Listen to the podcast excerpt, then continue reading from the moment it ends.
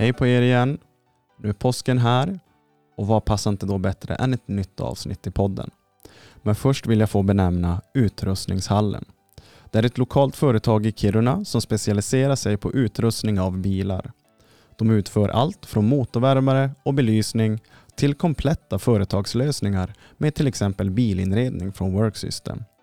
Så behöver du hjälp med din bil, oavsett företag eller privatperson, så tveka inte att åka dit och prata med Tobbe eller Petra så kommer de att hjälpa er. Och vidare till avsnitt 42 med Johannes Sarri. Tidigare i podden har ni fått höra gästen Anna Olofsson berätta hur det är att vara förälder till en missbrukare.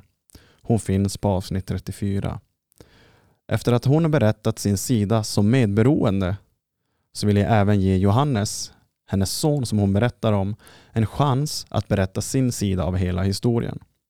Johannes berättar om överdoserna, flykterna från behandlingshemmen och när han till exempel fick skära ner sin kompis som hängt sig i taket. Det är en tuff historia men oerhört intressant att få höra bägge sidorna. Både från Anna och från sonen Johannes. Så här har ni honom. Varsågoda.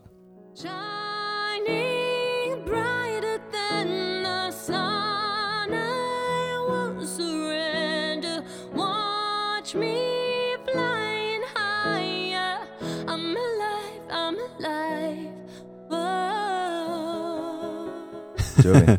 Nu jävlar kör vi, helt rätt. Eh, först och främst, kul Johannes. Det här var någonting som jag inte riktigt hade väntat mig.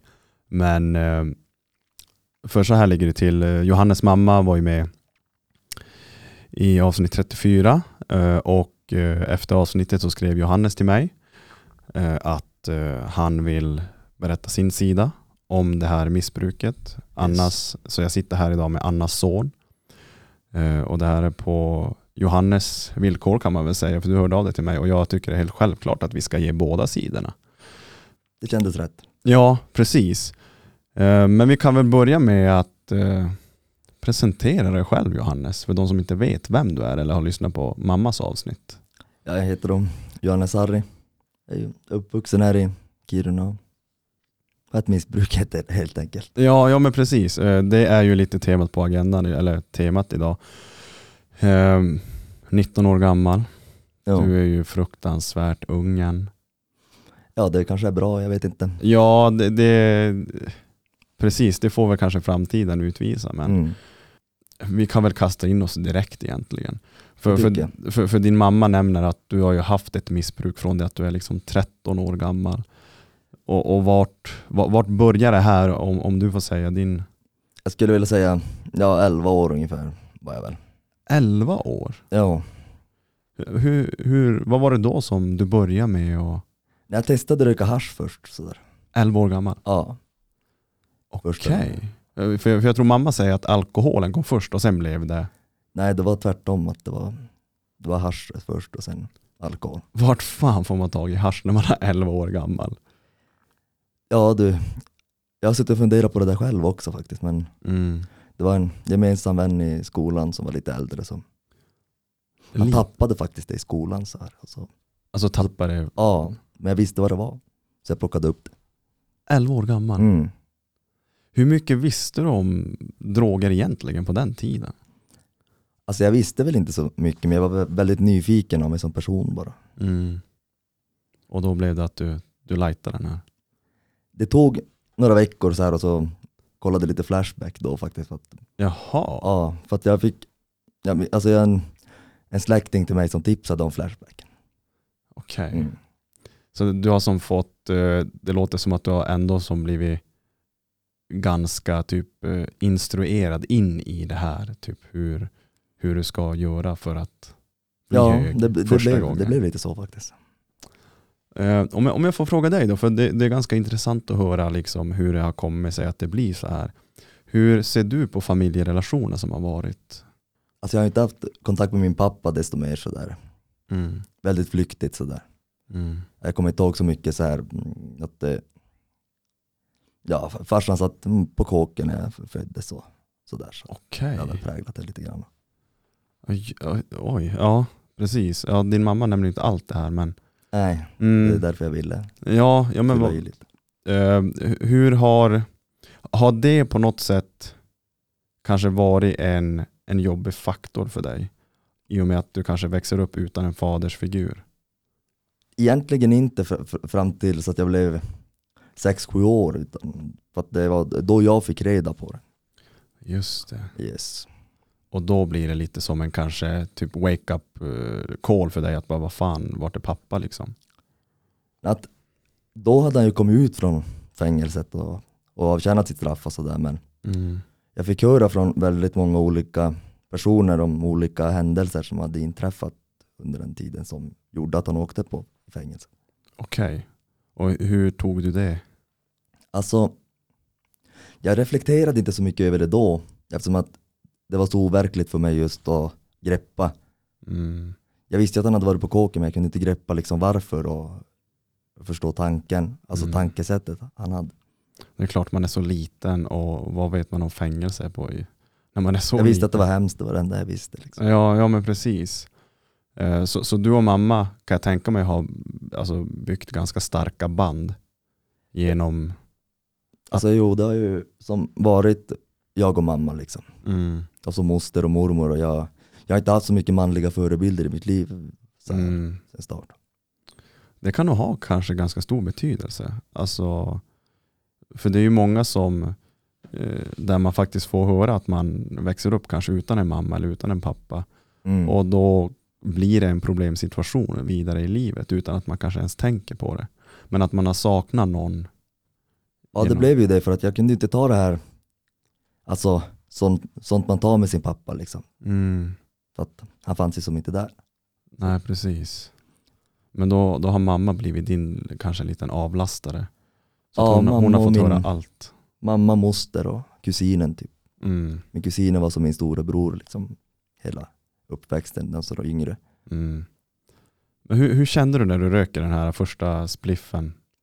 Första haschet, för, första haschblåset? Vad? Jag minns, det första jag märkte, det smakade skit tyckte jag minns. Mm, Men jag ville ändå fortsätta för att jag ville känna vad det var som, vad, vad, vad som var så tabu med det. Okej. Att, eh, jag var som nyfiken på vad det var som var så hemskt med Ja, Men, men kan du säga att du fick, var det en skön känsla eller? jo vad jag minns så var det skön just den gången faktiskt. Mm. Sådär.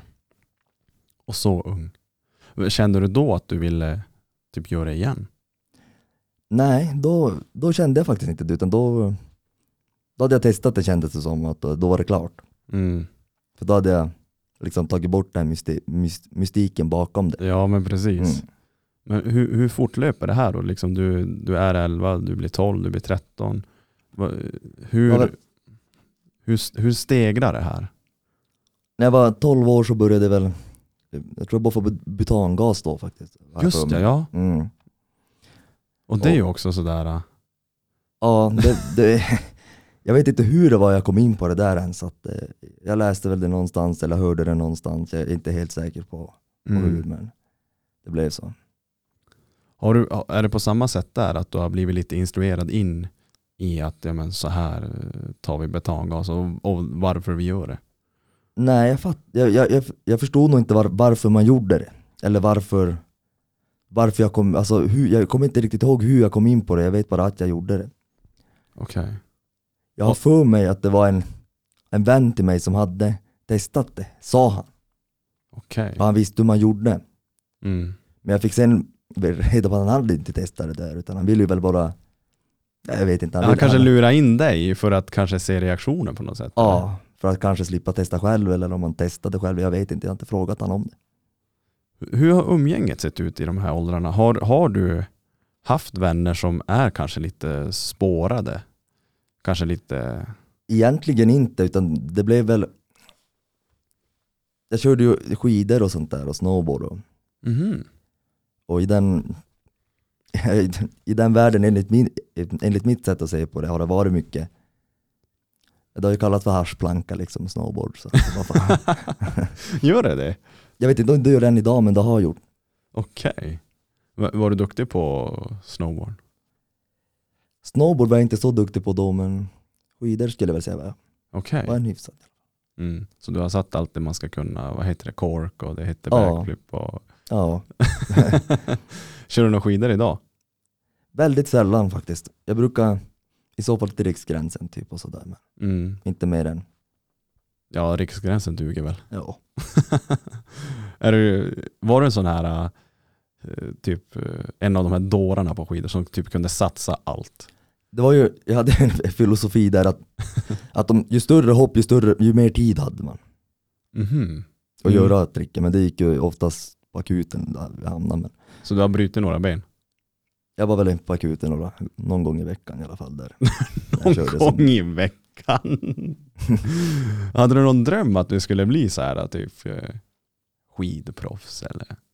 Alltså dröm hade man ju men jag hade som inte ja, Mina vänner var inte riktigt inne på samma spår som jag liksom så med, med skidorna Mm. just då skulle jag säga. Men Vad var det som var annorlunda gentemot dem då? jag, jag, jag, jag, jag som har ADHD, jag, kör ju, jag blir ju Jag går hårt in för saker Precis. och sådär. Mm. Så jag hade det mycket i perioder. Just det. Mm. Och polarna var som, vad gjorde de då medan du var en all-innare? Och, Alltså de, de var ju med i slalombacken men jag fortsatte även efter slalombacken. Okej, medan de drog hem typ. Ja. Då får jag fortsätta att träna i vilan och sådär. Just mm. Fan, då har låtit, alltså det låter som att du varit väldigt målmedveten. Utan att du kanske har tänkt på det. Nej, jag gillade nog adrenalinet bara så här. Mm. Ja. Tänka på annat och Är du en adrenaline junkie? Nu skulle jag väl inte säga det, men jag tror att om jag hade börjat med det nu så hade det kanske varit, hade blivit så kanske. Typ så här att du måste typ åka och hoppa bungyjump och hoppa fallskärm och Alltså Så där bungee grejer. jump har jag ju tänkt hoppa. du har sådär, det? jo, det, det har jag tänkt hoppa men det har inte blivit av ännu för att jag har varit på behandling. Ja, precis. Bungyjump, det borde du testa. Det är fan det sjukaste som finns. Nu har inte jag hoppat fallskärm, men eh, alltså bungyjump det är Oh, ja, det är adrenalin i alla fall. Men du, men du nämner ju behandlingshem. Eh, när fick du fara på första behandlingshemmet? Första behandlingshemmet var väl när jag var, jag tror jag var 16 när jag åkte. Ja, det, det kommer kanske lite senare i åldern. Ja, och sen 15 var jag på familjehem innan det. Okej. Hur, hur hade det stegrat eh, missbruket från typ ålder 13 till 15 eller till första behandlingshemmet, familjehemmet? Det var sen när jag var 13, jag har för mig att jag var 13 då. Jo, jag vill minnas det. Då var det ett par vänner, vi var på Ica-toppen och de sa att ja, men, ska du med och röka hasch? Och jag sa jo. Bara så här för att, Ja, ja. Ja, var- varför inte? Jag såg inte varför jag inte skulle. Mm. Och hur fortlöper det? Var det så varje dag eller var det? Nej, då hade jag uppehåll i några månader sådär och sen började en, en nä, väldigt nära vän till mig röka också. Då blev det betydligt mer. Ja just det, för då, ja, då började det florera liksom kring en hela tiden. Ja, Och du som var nyfiken och sen gillar man ruset mm. Och så klarar man sig undan hela tiden. Gjorde du det förresten? Klarade du dig undan? Där när du var så ja ung? det var, jag klarade mig undan. Det, det mesta, det var, det var en gång så här mamma, jag, mamma kom hem sen när hon inte skulle komma hem. Och då Mm. märkte hon på mig. Att Jaså? ja, det var en, långa diskussioner vid köksbordet och så då, då orkade jag inte och då sa jag bara, ja jag rökte hasch liksom. Ja, du var helt öppen och ärlig bara direkt? Inte direkt, Nej, nej men efter? det var diskussioner men jag märkte att det var, inte, det var inte någon idé att ljuga, hon visste redan. Okej. Hur tog hon det? Alltså hon blev ju ledsen och sådär och sen rädd och ringde SOS typ vad jag minns. Alltså Nej. direkt liksom? Ja. Jag har för mig att det var ganska omgående och ringde SOS. Mm. Nu minns inte jag helt, helt uh, tidsaspekterna det hon nämner i hennes avsnitt men hon säger ju att hon ringer SOS ganska snabbt. Men det kan ju vara i den vevan. Det var samma dag och hon ringde då. Just det. Mm. Just. Hon ringer Annika. Mm. Annika känner du bra? Ja, jag har haft henne sen, ja, så jag gick i fyran, hur gammal är man då? Är man 12? Ja man är 12 när man går i sexan. 12 vet man går i sexan. Så typ. 10? 11, 10? Ja, det var, det var ju då det började då.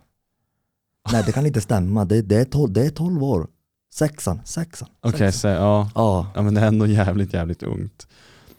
Ehm, hur För, för när du säger att det börjar florera kring, alltså, kring polarna, Ja. har du någon gång, liksom, ja, men, kanske när du pratar med mamma, att men fan, är det här verkligen rätt vänner för mig att hänga med? Alltså, det var ju, jag hade inte mycket vänner när jag var liten och sådär. Så det var jag ville som inte släppa de enda man hade. Det blev Nej, så. nej precis, man, man vill tillhöra något. Ja, precis. Eh, ja, det, blir, det kallas ju subgruppstillhörighet, där man tillhör en lite mindre grupp. Och så är det, även fast det är destruktivt så, Mm. så vill man vara där för man känner sig som en i gänget. Det, det var så för att jag var ju mobbad i skolan och sådär så att jag, jag sökte mig utanför skolan. Var du det också? Ja, jag är väldigt mobbad. Har, har du börjat tidigt? Ja, ettan till sjuan ungefär, i runda slängar. vad kunde du utsättas för då? Alltså det var väl mer Många, då, många spelade ju på det här med min pappa liksom så här. För att det, var, det var så det Ah, började i början. Mm. Att det var- Ja, men det var farsan liksom som var det centrala i det där. Han sitter på kåken och han har gjort ditt. Det visste de inte då, utan bara mer att han inte var där. Liksom så här. Att det var mycket så här att, att varför hämtar inte din farsa dig på eh, skolan? Så här, och så skrattade liksom. Det tog ju hårt. Liksom. Åh, ja det är klart det gör. Fan vad sjukt. Hur, hur har skolan eh, typ hjälpt er med det? Alltså i början, om vi sä- säger från, jag vill säga från tvåan och upp till fyran, femman, att jag var väldigt tyst om det själv liksom. Mhm. Mm. Ja. Så, så det blev kanske ingen insats där från skolans sida? Nej, eller? nej, nej, nej. Har, har mamma vetat om det hela tiden? Osäker mamma, men min mormor visste om det. Okej. Min mormor var även rektor då på skola, så att hon, det var Mhm. henne jag vände mig till liksom och, och berättade det. för. Ja precis, för jag tänker att du, ifall du nämner åt någon och, så, så att det liksom kommer upp till ytan. Jag visste att min mormor hon, hon hjälper mig och säger åt mamma liksom så här, eftersom att hon är rektor liksom, och, Mm. och man kan söka för hjälp och sånt där men Okej. jag minns inte om det hände så mycket då faktiskt. Ja, det, är lite, det är lite svagt minne där så jag har förträngt Mm. mycket och så. Mm, nej, men jag förstår. Ehm, hur, men om, om du vill ge liksom ett konkret, konkret svar på, liksom, eh, för jag vill bara liksom få fram hur, hur brukandet kunde se ut från Mm. typ att du är 13 till att du åker på första behandlingshemmet. Hur ofta kunde det vara? Alltså, från jag var 13 tills att jag var 14, då rökte jag ju minst ja, en gång i veckan i alla fall, om inte mer. Okej, ja. Så det var ju, Och då var det att man delar med polarna typ och ja för det mesta. Jag rökte även själv också när jag var hemma och sådär. okej, det också. Mm. Hur får man, är det också bara liksom äldre polare man får tag i hasch när man är så liten? Ja, det blir, det blir väl så. Men hur fan tänker man om man langar hasch till 13 och 14-åringar? Har, har du någon gång funderat på det? Typ att, Grejen var ju den att de var väl inte, de var väl två, tre år äldre sådär bara. ja, ja, de kanske hade fått det av någon Ja, och sen får det ni vet, det av någon. det Liksom. vet inte jag vad de, vars de har fått det ifrån men Ja, ja, jag vet nej, bara att jag precis. fick det av ja, den ja. som var något år äldre bara. Sådär. Mm. Fan det är helt sjukt. Och hur mycket vet du om dagens liksom, situation? För det sägs ju att det är ganska tidiga åldrar eh, knarket flödar nu. Alltså jag har ju hört att det är väldigt, väldigt, väldigt tidigt också. Mm. Att eh, ecstasy och sånt där kommer ner i 12-13 år- årsåldrarna och sånt där. Och, har jag hört men det är inget jag vet. riktigt. Nej precis, det är ganska svårt att bekräfta mig men det är ändå tragiskt att höra. Tragiskt att höra. Ja det är hemskt när, när ens lillebror är i den åldern också. och när jag ser på han nu, det känns som att titta mig själv i spegeln när jag var lika gammal. Så, Mm. så det är liksom, Okej, så han är i den åldern nu. ja. Hur bra relation har ni? Jag vill säga att jag har, jag har ju mycket bättre relation med han än vad jag själv hade med min storebror. Okej. Och sådär. Mm. Jag försöker väl ändå finnas där för honom så mycket jag kan. Men han bor ju inte i Kiruna så det, det, just det blir lite det. svårt på vissa fronter. Ja, just det. Men, men går det bra för honom?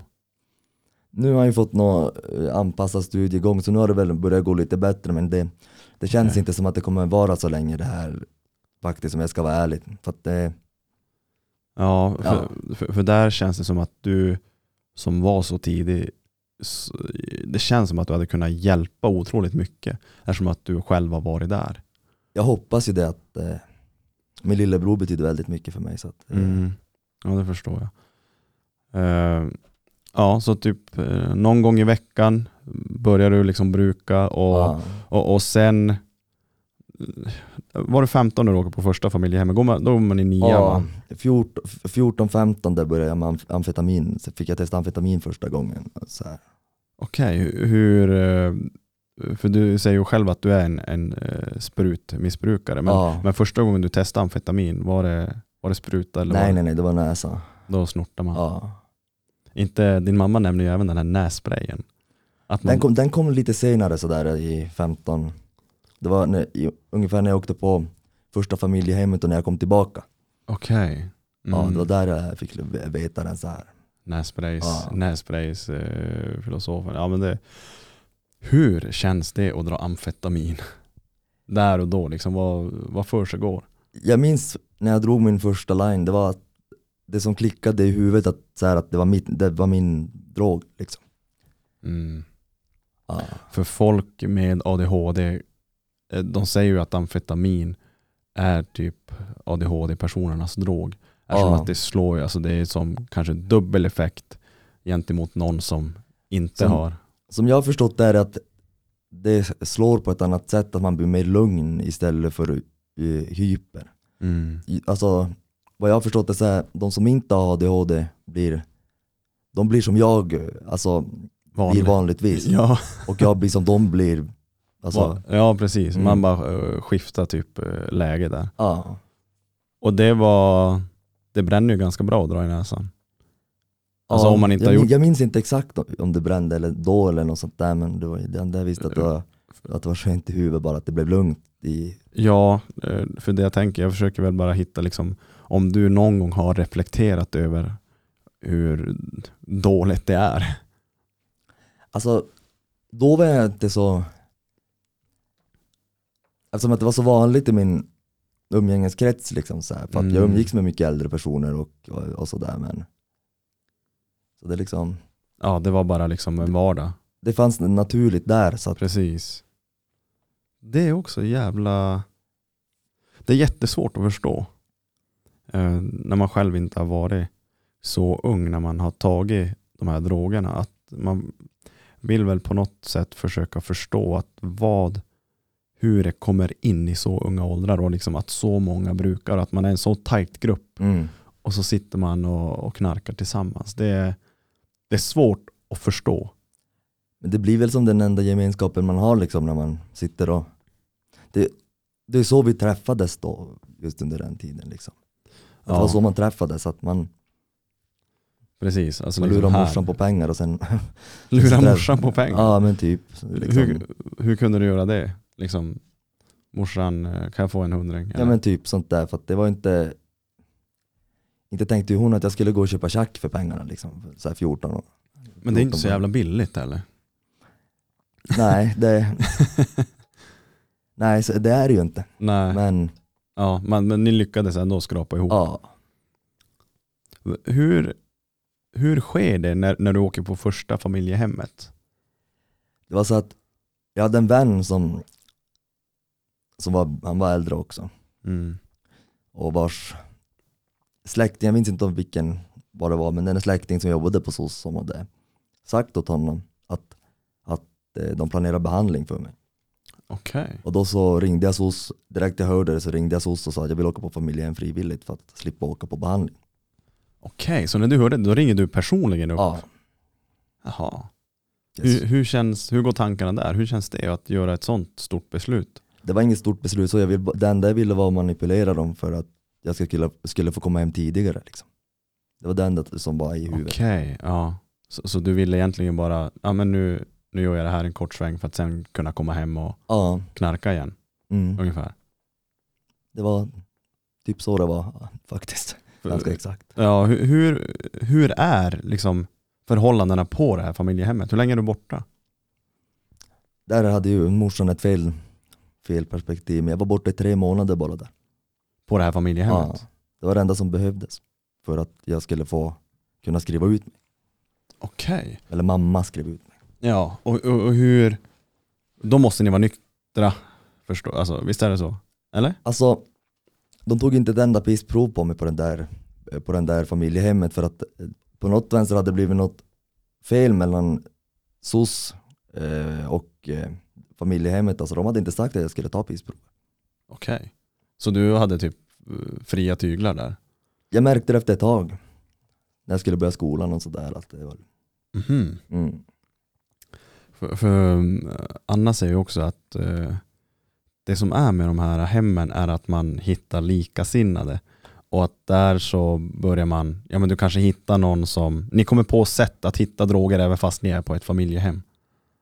Ja, jag fick ju låna deras cykel till skolan.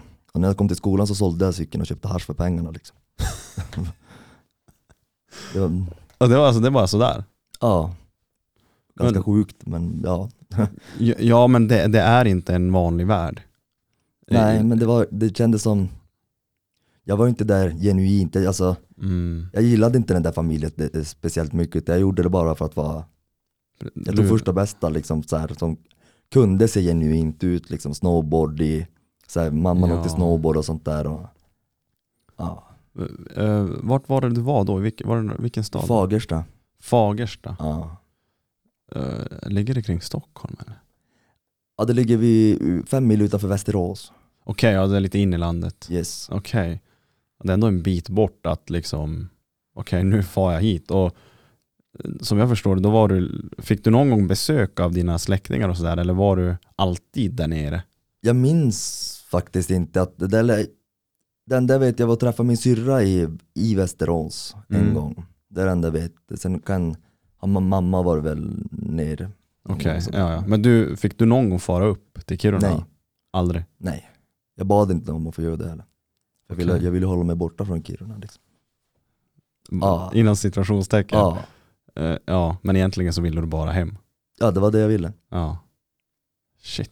De där tre månaderna kändes de, alltså det kändes som att det var så ett halvår, så ett år liksom. Va, vad, eh, var det bara hasch där nere?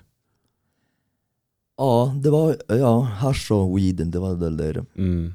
Bara och bara men, men, men eh, du kommer över droger ändå på något sätt? Och Ja. liksom, var det, hur ofta kunde det vara? Varje dag, varje vecka? Ja, helst varje dag, men Mm. det var liksom för att de där familjehemmet var inte direkt kunniga i droger. Jaha. För att jag, öpp jag öppnade fönstret så här för att det var som en, när man öppnade fönstret så var det på rummet så var det som ett tak nedanför. Mm. Och där brukade jag stå, sitta på, vad heter det, fönsterbrädan och röka. Och de kände ingen lukt eller? Alltså farsan i huset där liksom, han öppnade, för att han hade, de hade väl lite på glänt. Mm. Och han öppnade och så kollade han dit och sa han släck ciggen och gå och lägg dig. Och så, han kände inte lukten av det eller någonting så. Ja, Det, det låter som att du ändå har eh, typ haft fritt fram trots att du har varit på ett familjehem. Alltså jag var väl inte så jättebrydd egentligen i det där för att jag märkte ju att de inte hade, de Mm. hade ingen koll. Så att jag kunde köra på ganska frikostigt. Var, det mycket kärlek annars? Alltså tog de hand om dig på ett bra sätt? Ja, det skulle jag säga. Och, och liksom mån om ditt mående? Ja, Men, men det kändes ändå liksom fel. Du, du ja, ville inte de, vara de där. försökte vara mån om mitt mående men det var ju, mitt mående, det tryckte jag bort så det fanns inte så mycket liksom och Mm. de, de gjorde ju det de kunde på vad de hade liksom. Nu, nu när, det, när du kan reflektera tillbaka, vad tror du det är som har fått dig att fortsätta? Ä- Har det varit abstinensen till drogen och liksom du måste ha? Eller är det, tror du att det är någonting psykiskt eller mentalt som har legat liksom och gnagit för att du kanske på något sätt vill fly den riktiga verkligheten? Alltså det började ju liksom med en verklighetsflykt flykt har, jag, har jag insett senare men då, var det, då såg jag inte det på det sättet. Man vill bara ha ruset. Ja, det var det jag trodde det men det var inte, jag, jag har ju sett sen att det var, det var inte det. Nej. Det- Det där är också eh, när man väl ska gå vidare i sin missbrukskarriär eller på något sätt försöka eh, ta sig ur. För du har ju ändå ambi- ambitionerna att, för du vill ju bli ren. Just då skulle jag inte säga att jag ville bli det för då hade jag, tyckte jag fortfarande det var roligt på ett annat sätt. Mm. Ja, det var ju som fortfarande lite spänning och sådär liksom. Och, Man tycker att det är skönt att vara hög. ja, det var, För det är ju det är ju liksom Det är skönt att ligga och mysa i soffan och, eller käka en chipspåse när man Ja, precis. får munchies och lyssna Mm. lite rap och lite skön R&B. precis. Eh, Men, men när du kommer hem därifrån, hur, hur blir det när du väl kommer till Kiruna? Alltså på vägen, de sa åt mig att om, ni, om du ska flytta härifrån, då kommer inte sossarna någon kontakt med dig. Det var precis det jag ville. Mm. Exakt det jag ville. Jag, så när jag kom hem så, Då var det inget... nej, ingenting. Och liksom mamma är glad att se dig igen och mormor är glad att se dig. Och liksom, Ja, ja. Trodde de, eh, kände du att du kanske hade lurat dem på något sätt? Att du, de tror nu att du kommer vara ren? Alltså, jag kände inte efter så mycket i det där utan men det var ju det jag ville. Att Ja. jag skulle tro att jag var ren. Att man, liksom, man, man lurar liksom typ alla i sin närhet. Ja, ja. Det, det blir ju, ja, ja, men jag, ja, Jag såg det ändå på ett så jävla vrickat sätt att så länge de inte frågar så, så har jag inte ljugit. Jag sa aldrig Mm. riktigt åt dem att nej jag tar inte. För att det hade inte ens kommit på tal att jag gjorde det då. ah, just Igen. ja. ja. Nej just ja, du har inte ljugit, du har bara inte sagt någonting. Nej precis, så, så såg jag det liksom att det var. Ja. Mm. För, för det, som, det som är lite fascinerande är att du liksom där första gången du säger bara att ja, men, ja, men jag har rökt hasch. Mm. Att, att du kan vara så ärlig där men sen fortsätta liksom bara köra på utan att säga någonting. Så Fast att, jag såg ändå liksom att genom att vara ärlig där, då kommer min tillit till alltså familjen att växa på ett sätt som gör att om jag är ärlig några gånger och sen inte, mm, då kan det bli så att de tror inte att jag håller på. Då. ja, just det. Det var min tanke, nu funkar det inte det men Mm. det var tanken. Hur länge är du hemma innan det bär av igen? Jag är hemma då från att, det här var när jag var 15, Mm. då går man i nian ja. Ja jag är hemma till tror 2000, början på 2018. Jag är hemma då. Mm. Och då är du, hur gammal är du då? 17? Ja, ja 17 blir det. Ja. 17 eller skulle fylla, fylla 17. Yes. Och då, vad är det som får dig att, eh, är det då mamma kör ner dig till behandlingshem självmant? Alltså, jag slirade ju på sig tills jag var, alltså från att jag alltså 15 sådär och tog, jag tog ju amfetamin i så här doseringskapslar så här, för att klara skolan liksom. Mhm. Jag hade ju som min moster som re- resurslärare och ja, Visste hon om det här? nej. Men hon, eh, tab, jag tabbade mig en gång där. Hur då? Att jag käkade benzo var det första gången var det, tar jag för mig att det var benzo.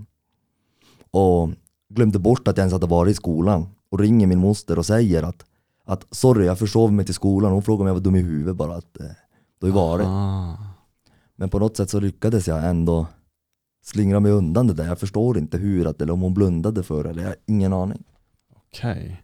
Eh, Men de här kapslarna, typ, hur, hur kunde, jag som inte typ eh, vill få en bild av hur det kunde se ut, alltså liksom, du har sådana här små kapslar, Ja det är som genomskinliga gelékapslar som Eh, du... bombar du dem eller liksom häller ut den sen bara på toa och drar en lina? Eller? Nej då bombade jag dem. Okej, ja det är Mm. sådana som löses upp. Ja. Det, det finns så olika, hur Mm. lång tid det tar för dem att lösas upp. Och det var, ja. Okej. Så, så då, men det, det känns som att du alltid hittade sätt att lyckas knarka. Jag försökte väl, det var väl Men det låter ju som att du har lyckats. ja, till stor del i början sådär. Mm. Eh, när började du ta sprutor?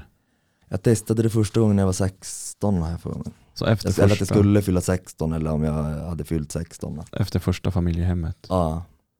Och vad är det som får dig att göra det? Nyfikenhet just på vad det var som var så hemskt med det. Okej. Att jag ville som, jag ville som bena ur det där, att, att vad, var det, vad var grejen med det? Mm. Att det liksom Ja. Eh, men, men, men vad händer sen då? Du inser att det är ganska skönt eller? Ja, jag insåg och såg att det slog runt eh, sinnet för mig helt liksom och jag eh, förstod ännu mer att amfetamin var min, Mm. var min drog. Mm. Vad, vad är det du har brukat mest under den här tiden? Är det amfetamin eller? Ja, amfetamin skulle jag säga att det är. Så du har varit dyr i drift. Ja, Men hur, hur, eh, hur mycket har du kombinerat med alkohol? Och, hur, hur alltså jag ofta- drack ju varje helg, fredag, lördag. Ja. Alltså från att jag var 15 tills att jag åkte på behandling i princip, 14-15 där kring. Tills att jag åkte på behandling. Okej, så du dricker också. Ja. Eh, Kunde du hantera både droger och alkohol samtidigt? Nej det brukade inte bli samtidigt till en början sådär, men det kom väl senare. Mm. Att du liksom blandmissbrukar? Jag tog ju som amfetaminet under veckan och så söp jag på helgerna. Okej, så du hade lite uppehåll? Ja. Då till en början så, när, när det inte var sprutorna då så Då tog jag ju först det för att bli frisk bara Mm. till slut för att När jag gick ut nian så Alltså tror jag från februari till skolavslutningen så gjorde jag väl sjuan, åttan och nians betyg och det, det skulle jag nog inte gjort ut- utan amfetamin. Nej. Nej just ja, mamma säger ju det att du Mm. lyckades ju klara hela skolan på typ fyra Ja. månader. Och det är ju också så här, alltså, på något sätt så bevisar du att du har ju faktiskt lite kämpaglöd och du har ju, när du väl sätter manken till så fixar ju du livet. Ja, det blev, ja det, så kan man ju säga. Ja, alltså, ja. Det är ju hur man vill se på saker men det känns ju ändå som att du har en gnista där. När det väl, för du hade ju fått ganska, du fick mycket hjälp då av, var det moster då som hjälpte dig? ja, min moster blev ju min resurslärare då. Ja precis, och hon låg på dig ganska mycket som mamma sa i alla fall. Ja, alltså, det var ju, vaknade inte jag på morgonen, jag kom, hon tog ju mig dit i kallingar fast om det skulle behövas. Liksom. men då var det det du behövde. Ja, För, för att liksom, och du, då fixade du det. hon lyckades som dela upp Alltså alla, jag hade jättesvårt om jag fick en uppgift och den här ska vara klar om tre veckor. Okej. Jag visste inte när jag skulle börja, att jag, jag fick inte det och, och jag fick Mm. inte ihop det i huvudet. Men hon, hon delade upp uppgifterna och sa där ska du göra den här lektionen. Och så gjorde jag den och så fick jag gå. Okej. Mm. Och, Och, och på så sätt så hamnade du liksom aldrig efter igen. nej. Och då, då fixade du det. Mm. Ja, det, det, bara det är ju faktiskt bra jobbat. Ehm, men, men sen när du, när du säger att du super på helgerna och du tar amfetamin på veckorna, alltså, det måste ju vara någon fruktansvärd avtändning. Och sen, Det var så måttliga mängder just då i nian och sådär men så att det jag skulle inte säga att det var en avtändning mot de man har nu idag. Liksom. Okej. Ja. Ehm, hur, hur ser det ut i, idag för dig? Om man, om man får fråga Just så. nu jag är ju i ett aktivt missbruk Mm. så att säga. Och hur, din mamma gav ju lite bild på hur det kunde se ut men, Ja. men om, om du får berätta själv hur det kan se ut för dig. ja, jag injicerar och, och sådär. Det, är det bara sprutor? Inte bara, men för det mesta. Och vad, vad, är det, vad, vad är det annars? Det är hasch och Ja, hasch och benzo. benzo också? Ja, Subutex har varit någon gång och sådär men inte Det är väl amfetamin som är min huvuddrog liksom. Va, varför tar man benzo? Jag började ta benzo för att det rundar av det här jobbiga på tjackruset när man har varit vaken ett tag. Liksom. Mm. Paranoian och psykoser och sånt där. Att du får fortfarande psykoser men man bryr sig inte om det bara riktigt. Så har det varit för mig i alla fall. Så det blir ju lite dämpande, så man tar benzo för att det dämpar. Ja, Eh, och ångesten sen. mm, precis. Har du, tar du alkohol och benzo samtidigt? Nu gör jag inte det. Det är väldigt, väldigt sällan. Mm. För då kan ju gärna flippa. Jag, jag dricker ju i princip inte alkohol mer. Vad är det som har fått dig att sluta med det? Ja, det är för att jag har hittat något som är, Bättre. ja precis. Exakt. Och, och liksom nu är det samma sak här där man har, man har sitt umgänge där alla knarkar och så man, man är sitt gäng bara. Alltså jag har ju vänner som inte knarkar också, men de lägger ingen värdering i det att jag gör det. Men de vet ju inte att det är till samma utsträckning som det är. Förutom nu då. Okej. kommer- Ja. Och, och de eh, liksom accepterar dig för den du är, Ja, det de vet ja. och inget problem med det. Nej, inte riktigt sådär att eh, de, de vill ju inte vara, vara med mig när jag är psykoser och sånt där men Nej det är ju inget trevligt stadie. Men jag tänker att alltså, om de ser dig injicera, det är ingen som säger bara hörru du stopp. ja, Jag injicerar inte fram, off, alltså framför dem som inte gör Okej. det, som inte... Men, men vad tar du framför de som polarna som inte knarkar? Vad, vad tar du då för droger? Alltså, det är ju samma droger, men jag gör det i skymundan istället. Ja, ja. Okej, Yes. så, så att de inte de går lite obemärkta förbi. Nej, Alltså de, ja, de vet inte om det. nej precis. Eh, Hur, om, om vi går tillbaka till lite behandlingshemmen då, för, för jag, Yes. jag som inte vet hur det är att sitta på behandlingshem eh, har ju bara lyssnat på din mamma om, om de eh, resorna. Men, men hur tar du de här behandlingshemmen? För hur många har du suttit på? Ja, i Kramfors och sen i Var det i Kalix? Pajala, Skellefteå, Kalix. Och så fick jag LVU i hemmet och sen Enköping, Kalix och sen eh, Hemmabergets HVB-hem i Lappträsk. Det låter som att du har varit mer i vägen du har varit hemma i Kiruna. Ja, de senaste tre åren har det sett ut så. Okej, ja. Men hur har det... För det jag tänker är att man, man är på behandlingshem, man kommer hem, eh, man vill ju såklart eh, komma åt den. När man är på behandlingshem, Mm. då vill man ju att du ska vara behandlad. Att kunna återgå till ett vanligt liv sen. Det var inte så jag såg på det när jag åkte på behandling först. Du gjorde inte det? Nej, Var det fortfarande samma inställning som du hade lite grann hos familjehemmen? inte riktigt. Alltså, jag såg inte, alltså när jag var på väg ner till behandlingshemmet så tänkte jag att vad ska jag på ett behandlingshem med massa pundare liksom? Så här, för jag såg inte själv att jag var en pundare. Okej. jag, jag fattade inte, Mm. den insikten hade inte träffat mig. Eh, Men nu idag då, kan, kan du erkänna att du har le- levt i förnekelse?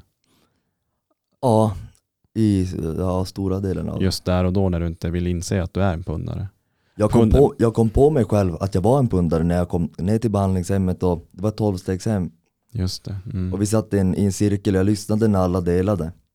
Och alla hade väl me- mer eller mindre samma livshistoria som en själv. Liksom. Mm. det var då liksom jag förstod att mm. På det här tolvstegsprogrammet, eh, var det då det var mycket så här till Gud och, ja, och, och, och som Anna sa att det var inte riktigt din grej? alltså Gud på tolv steg, det är som man själv uppfattar den. Mm. Du kan ha en colaburk som din gud om det nu hjälper dig men de flesta har ju en högre makt liksom. Gud. Ja, ja precis. För, för, det, eh, för nu är jag snart utbildad alkohol och drogterapeut Mm. och för att jag ska få så mycket kött på benen som möjligt så var jag på ett eh, NA-möte. Mm. Har du varit på något sånt? Jag har varit på väldigt många NA-möten. Det, Ja, du hjälpt har mig- det. det har hjälpt mig otroligt mycket under de tiderna jag varit ren faktiskt. Okej, ja men vad roligt att höra. För, för det jag, eh, hur länge hade jag varit? Jag hade väl varit ren i två och ett halvt, tre år när jag var på mitt första NA-möte. Ja. Och det som slog mig, eh, eftersom att jag, när jag blev ren så jävlar alltså det vände över en natt och sen dess liksom har jag inte rört en jävla drog. Eh, men när jag väl då vill gå på det här NA-mötet för att se hur det ser ut och liksom träffa de här människorna och då är mycket Gud. Det är mycket att man ska överlämna sig själv till en högre makt och, Ah. man ska liksom bara släppa kontrollen. Men jag hade ju full kontroll över mitt liv. Ah. Förstår du vad jag menar? Det blir lite fel där då. Ja precis, jag, det- förstår, jag förstår såklart Mm. att det kan hjälpa folk som är verkligen djupt nere på botten. Att man, man har inga, inga annat än just den här högre makten. Ja. Men, men jag som hade ändå varit ren så pass länge och känner att jag har kontroll över Mm. mitt liv. Jag vet att jag inte kommer ta en drog. Så då, det var lite, det var, det var inte riktigt min grej. Men, men det är ändå bra att få veta hur det går till. Ja. För, för man förstår ju att folk faktiskt lämnar över sig själv. Som typ Sebbe Stax, han Mm. är ju jättereligiös nu. Och det var hans räddning, ja, precis. att, att man lämnar över sig själv. Man brukar ju säga det när man träffar botten, men jag, jag, jag har som en annan filosofi det där. Jag tror, att, jag tror att botten, det är då när du slutar gräva bara. Du kan, du kan gå hur djupt ner som helst, men det är när du slutar gräva, det är där botten är. Okej, men om du utvecklar det lite grann, typ i... För vad, om, om man tar det i, i praktiken, vad skulle kunna vara en botten? Typ, eh, skulle, skulle det kunna vara åka fast eller? Det skulle kunna vara åka fast, bli av med körkortet, bli av med lägenheten, familj, vad, vad som. Det, det Mm, är eh, nog väldigt, eh, vad heter det, olika. olika precis. Och känner du att du har nått botten någon gång? Jag skulle inte säga att, att jag har nått den botten som andra nått. Mm. Men jag har hittat andra saker i livet som ju som känns nu, jag lovar aldrig någonting om mer. Att jag, jag, jag vågar inte lova för jag har lovat så mycket och det är ett större svek om jag lovar. Mm. Jag säger aldrig ett, ett, det, det datumet är ren. Utan åt någon. Utan Mm. jag, jag har en plan i mitt huvud som jag försöker hålla. Mm. Sen har inte det alltid gått. So call me a cynic, call me a bummer. I don't wanna be that way anymore. This life that I've been living, living without color, ain't a life worth living. När, när du lägger upp de här planerna i ditt huvud, Mm. hur väl gör du den här planen? För, för det jag tänker som sitter här igen och har varit där, Ja. kanske inte i samma eh, missbruk och hårda missbruk som du Mm. är i eller har varit i, men alltså, jag blir så här, alltså man måste ransaka. Mm. Vad hänger jag med för folk? Vad, eh, liksom, hur går mina dagar till? Hur styr jag upp min vardag? Ja. Det är där man måste göra en förändring. Ja, Känner jag. Många gör så. Men, men hur, hur lägger du upp din plan? Grejen är den att jag har jättegärna kvar vänner som, håll, som är aktiva för att men de ska, då ska ju de också visa respekt om jag säger att ja, jag vill inte. Förstår Mm. du? Jag vill inte. De ska väl egentligen inte ens fråga dig eftersom att de vet vilken resa du är på. Fråga kommer de alltid göra för, för de flesta av dem för att det kan hända att den personen måste sitta och punda själv sen där. Och det kan vara, Jobbigt. det kan vara jobbigt för den personen.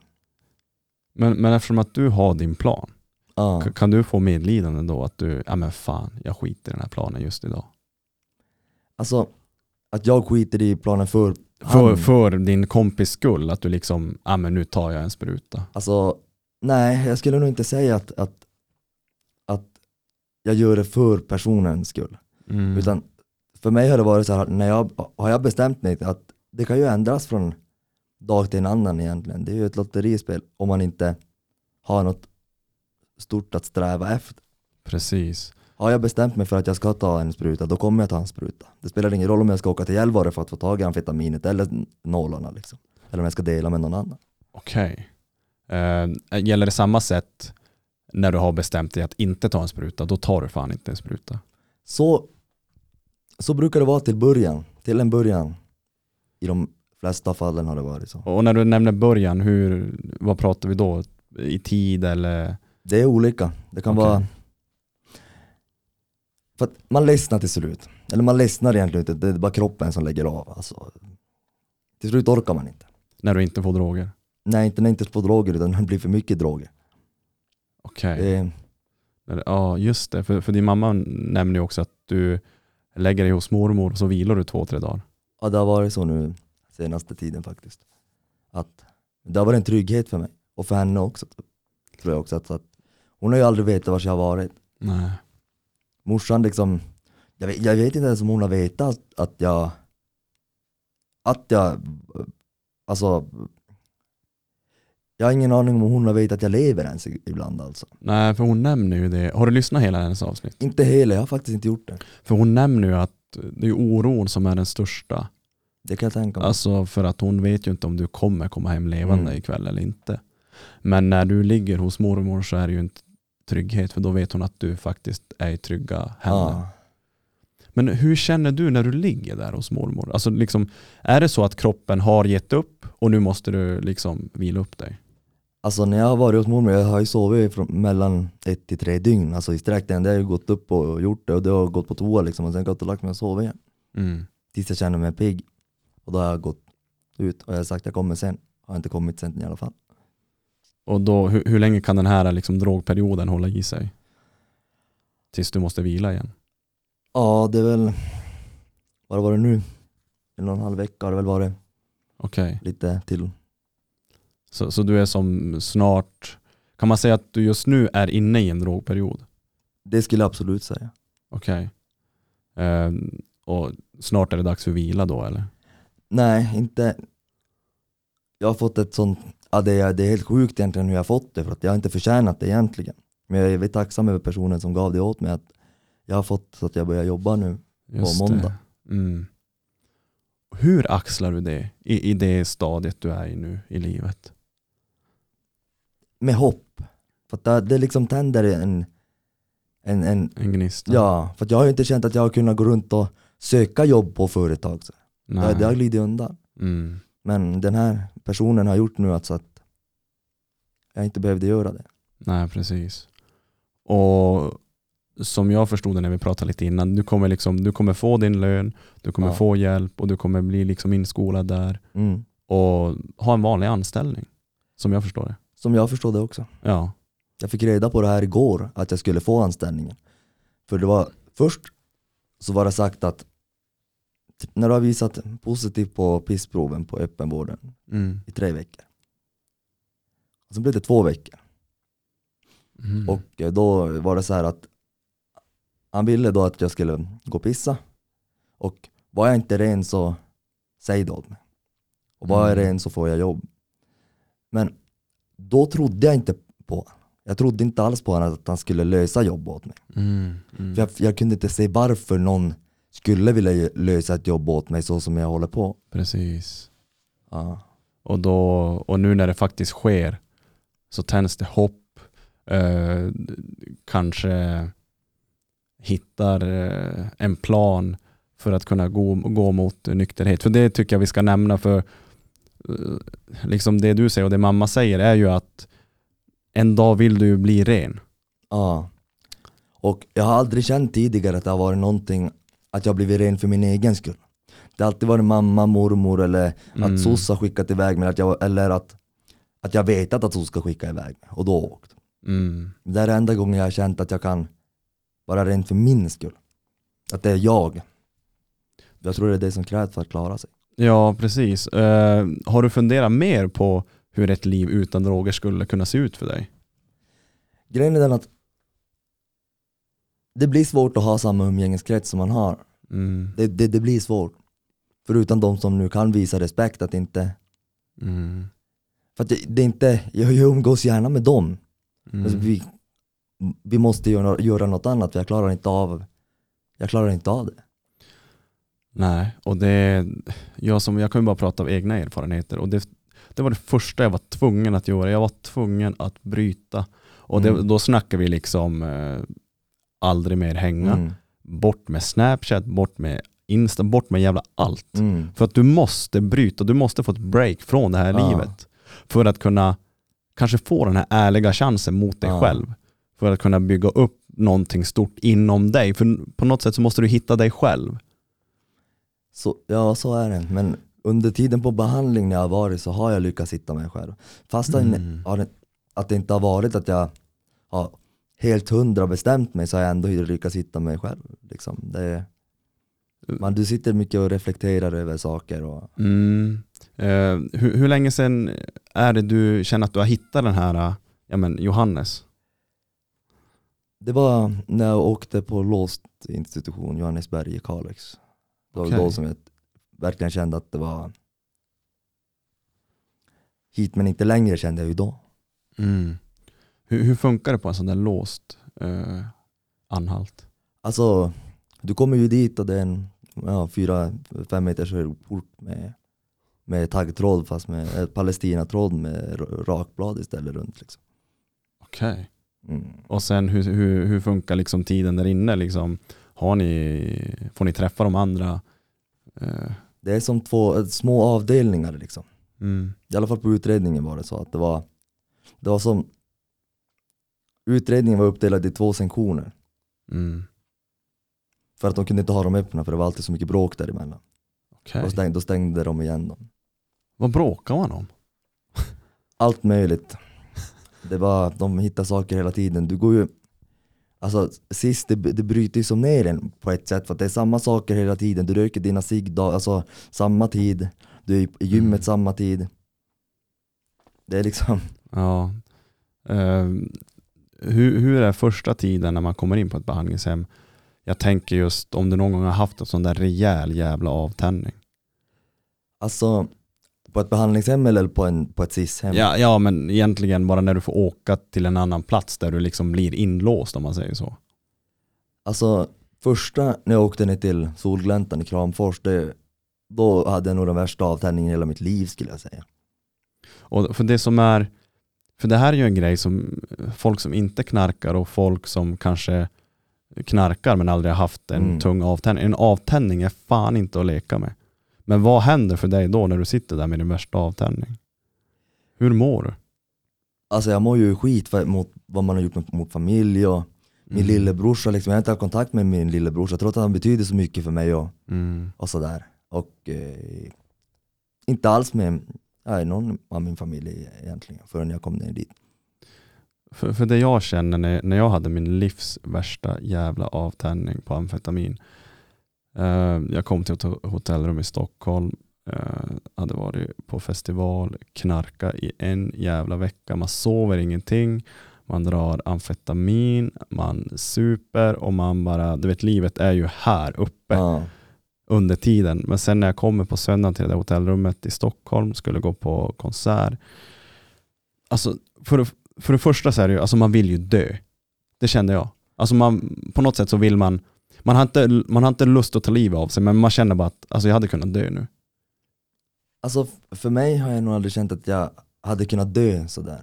Mm. För jag har alltid haft ändå en livslåga liksom i bara, bara för att jag håller på med droger liksom så betyder det, alltså Mm. Jag har aldrig haft tankar på att ta mitt liv eller något, något sådant någon, någonsin i hela mitt liv alltså. Okej, något ja det har inte, ja, för, för det jag kände där att och då, jag kunde bara ligga i fosterställning i sängen. Alltså jag, jag var tvungen att dra för persiennerna trots att man bor på typ så här 20 våningen, Mm. det är ingen som kan se dig. Dra för persiennerna och liksom bara, och så bara ligga i fosterställning i ett helt dygn. Ja du har haft så alltså? Alltså det, och, det var, och då var det liksom ehm, Det var de värsta 24 timmarna i hela mitt jävla liv. Vela, dö och liksom bara ligga och skaka. Alltså Mm. du ligger bara och skaka. Du kan inte äta, du kan inte dricka. Alltså det, det, det är så Jag tycker ändå man ska prata om det för att det här är en Det här är ju en Mm. baksida av allting. Det är ju det. Och Det en avtändning är fan inte och, För det är ju avtändningsstadiet som det är lättast att gå på igen. För man vill ju Ja. fan inte må dåligt. Det är ju så faktiskt, tyvärr. Fast jag har ju alltid som haft turen att jag, nej, jag har kört så hårt, alltså varit vaken så pass länge de dag, alltså så när avtändningen kommer, jag sover ju bort det mesta av avtä- avtändningen. En, ja, ändå sjukt att du kan göra det. Att- Men jag, jag är så slutkörd i huvudet så att jag, jag så, jag, det går inte att hålla sig vaken. ja. Det går inte. Då, då får man nog ett ganska bra, en bra bild av hur jävla hårt du kör när du kör. Ja, det har enligt mig varit, ja. Alltså så. jävligt, äh, jävligt hårt. Och, och, och vad, hur, hur ser dagen ut när, ni, eller när du sitter och, och knarkar? Alltså, sitter man bara i en lägenhet och liksom kör Alltså- på eller? Är du inte ute och letar knark så sitter du i lägenheten, ja. Det är Ja. liksom, Tills det tar slut? amfetamin just sitter och pratar om och allt möjligt liksom bara snöar Mm. iväg liksom i och sådär. För jag tänker hur mycket får, får du uträttat under den här veckan? Inte ett skit, Inte ett skit. inte ett skit. Ja. Det, det är det som också är, Man glömmer bort att gå, jag glömmer gå bort och gå och pissa liksom. Så jag kommer på mig efter fan 16 timmar, bara, "Oj, jag kanske måste gå och pissa också. Liksom. mm. och så sitter man bara och snackar, man snackar, man snackar. Ja, precis. För man, man snackar ju ihjäl folk när man tar amfetamin. Alltså man, Ja. Och när man har börjat vara vaken några dygn också när, när psyket börjar spela, mm. spela ett spratt, då, blir- då blir de där diskussionerna ganska så de blir, de blir ganska fascinerande om någon annan hade lyssnat på dem, de hade trott man hade varit ja, ett, Ja, alltså det, man, alltså det är ju inte ett friskt stadie. Det, Nej, det är ju något som är utom denna värld. men det, det är också det enda man har känt till liksom. Så Mm. vad, liksom ska man göra? Mm. Ja men precis. Äh, det, det, är så, det är så svårt att ta på det, men det är ändå så starkt att du liksom vågar prata om dig själv på det här sättet. Ehm, för man kan ju ta, jag har varit lite så här, jag har alltid velat ha ehm, en kanske person som mig med i podden som har varit i ett missbruk Ja. och kunna bli ren. Men därför du är med idag som är inne i det här, Mm. eh, det är dels för att din mamma har gett sin sida Ja. och, och jag har aldrig varit med om maken att en förälder är så öppen om sitt barn som är i ett missbruk. Och när du skriver så tycker jag det är självklart att du ska få Mm. ge din sida. Eftersom att du är så öppen om det, mamma är Mm. så öppen om det Och nu har du ditt jobb på måndag och när du säger att du faktiskt vill bli ren så vill ju jag tro dig. Så därför, Ja. därför är det här ett liksom ganska starkt eh, samtal där du Mm. faktiskt sitter och öppnar om dig själv och jag tycker att det är, det är värt eh, chansen att du Ja. ska få, få ge din bild och Alltså jag förväntar mig inte, inte att folk ska tro på mig när jag säger det, för jag har sagt det så många gånger. mm.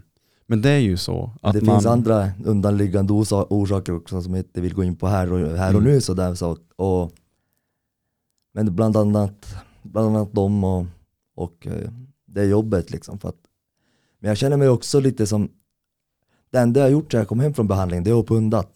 mm. Men ändå så får jag det här jobbet serverat på ett silverfat. Liksom, Mm.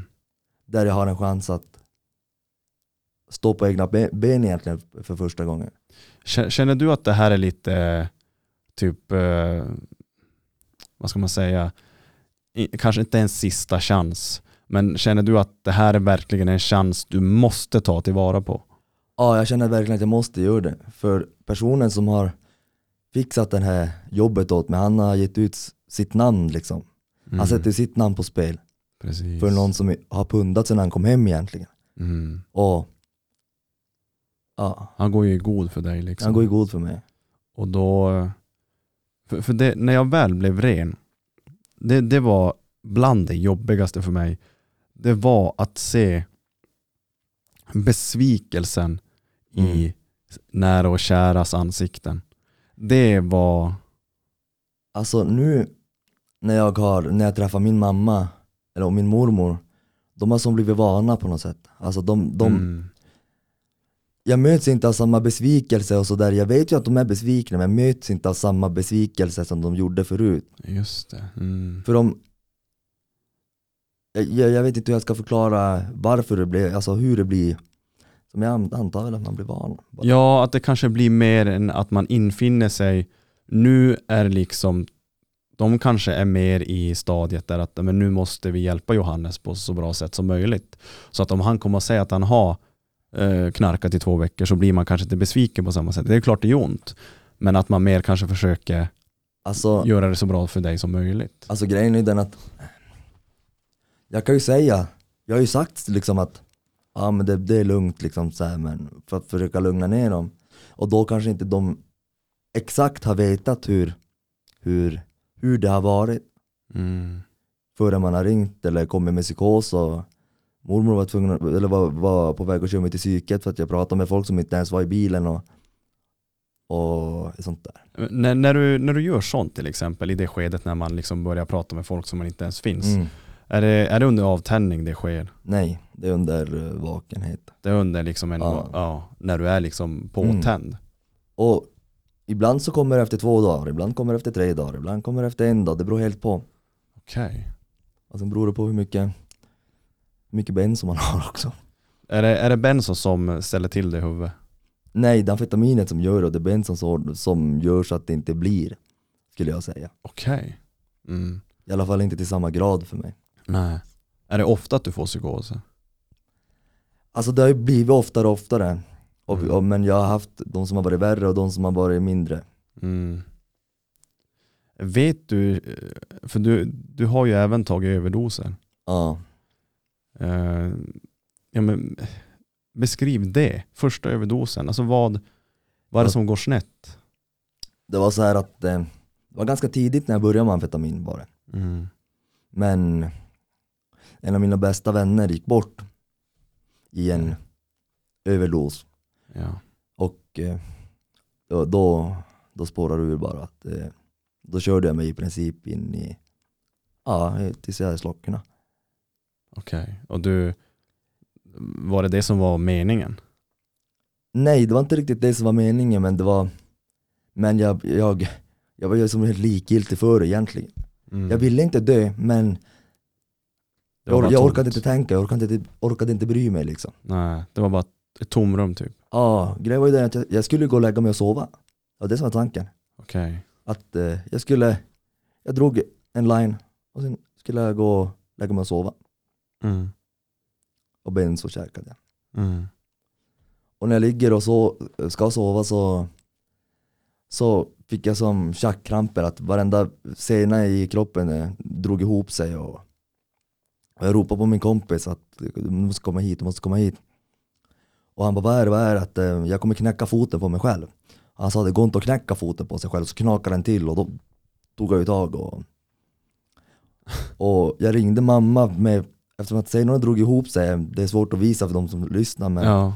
Alltså händerna drog ihop sig så jag var tvungen att skriva numret med hand, eh, hand den här handloben här. Till mamma. Och jag ringde mamma. Ja. Och hon trodde just då, den överdosen, att, att jag var ren. Okej. Jag hade ingen aning att jag, att jag hade klivit på ut den. Ja, just ja. ja. Ja. Men, men eh, vad får du eh, för, för mentalt eh, liksom eh, stadie efter det? Alltså liksom överdos, det är ju ganska... Jag hade ju då överdos blandat med eh, psykos. Mm. Och jag, kommer inte, jag kommer ihåg att mamma kom dit. Jag kommer ihåg att jag satt med i bilen. Jag kommer inte ihåg färden till akuten. Men jag kommer ihåg att jag klev in till akuten och när de öppnade dörrarna så sa jag bara att när, när jag gick in där, jag kommer dö, släpp in mig. Okej, ja. Och sen är det, är det Mamma har berättat olika saker så jag kan inte riktigt skilja på vad som är mina egna minnen och vad som min mamma har Mm. har sagt. Det är lite svårt. Men jag vet i alla fall att jag hamnade i, ett rum då. Och jag trodde jag hamnade på Ivan direkt. Tydligen så hade det varit i något vanligt, alltså vad heter det, vad, heter det besöksrum. Ja, ja, ja, typ vanligt patientrum bara. Ja. Det kommer inte jag ihåg. Mm. Utan jag ja, vaknade upp på Ivan med, ja, mamma satt och kollade på mig och, och jag, kollade, jag minns jag kollade ner på kroppen och såg massa EKG och sådär och tittade upp på Mm. på den här EKG-grejen och hade så här 180 vilopuls liksom. Mm. De sa att en löprunda på det här och ditt hjärta hade slutat stanna eller du hade fått en, hjärnblödning. Liksom. Mm. Men hur tar du det? Alltså liksom nu, det är ju ganska... Just då, jag hade sån dödsångest liksom.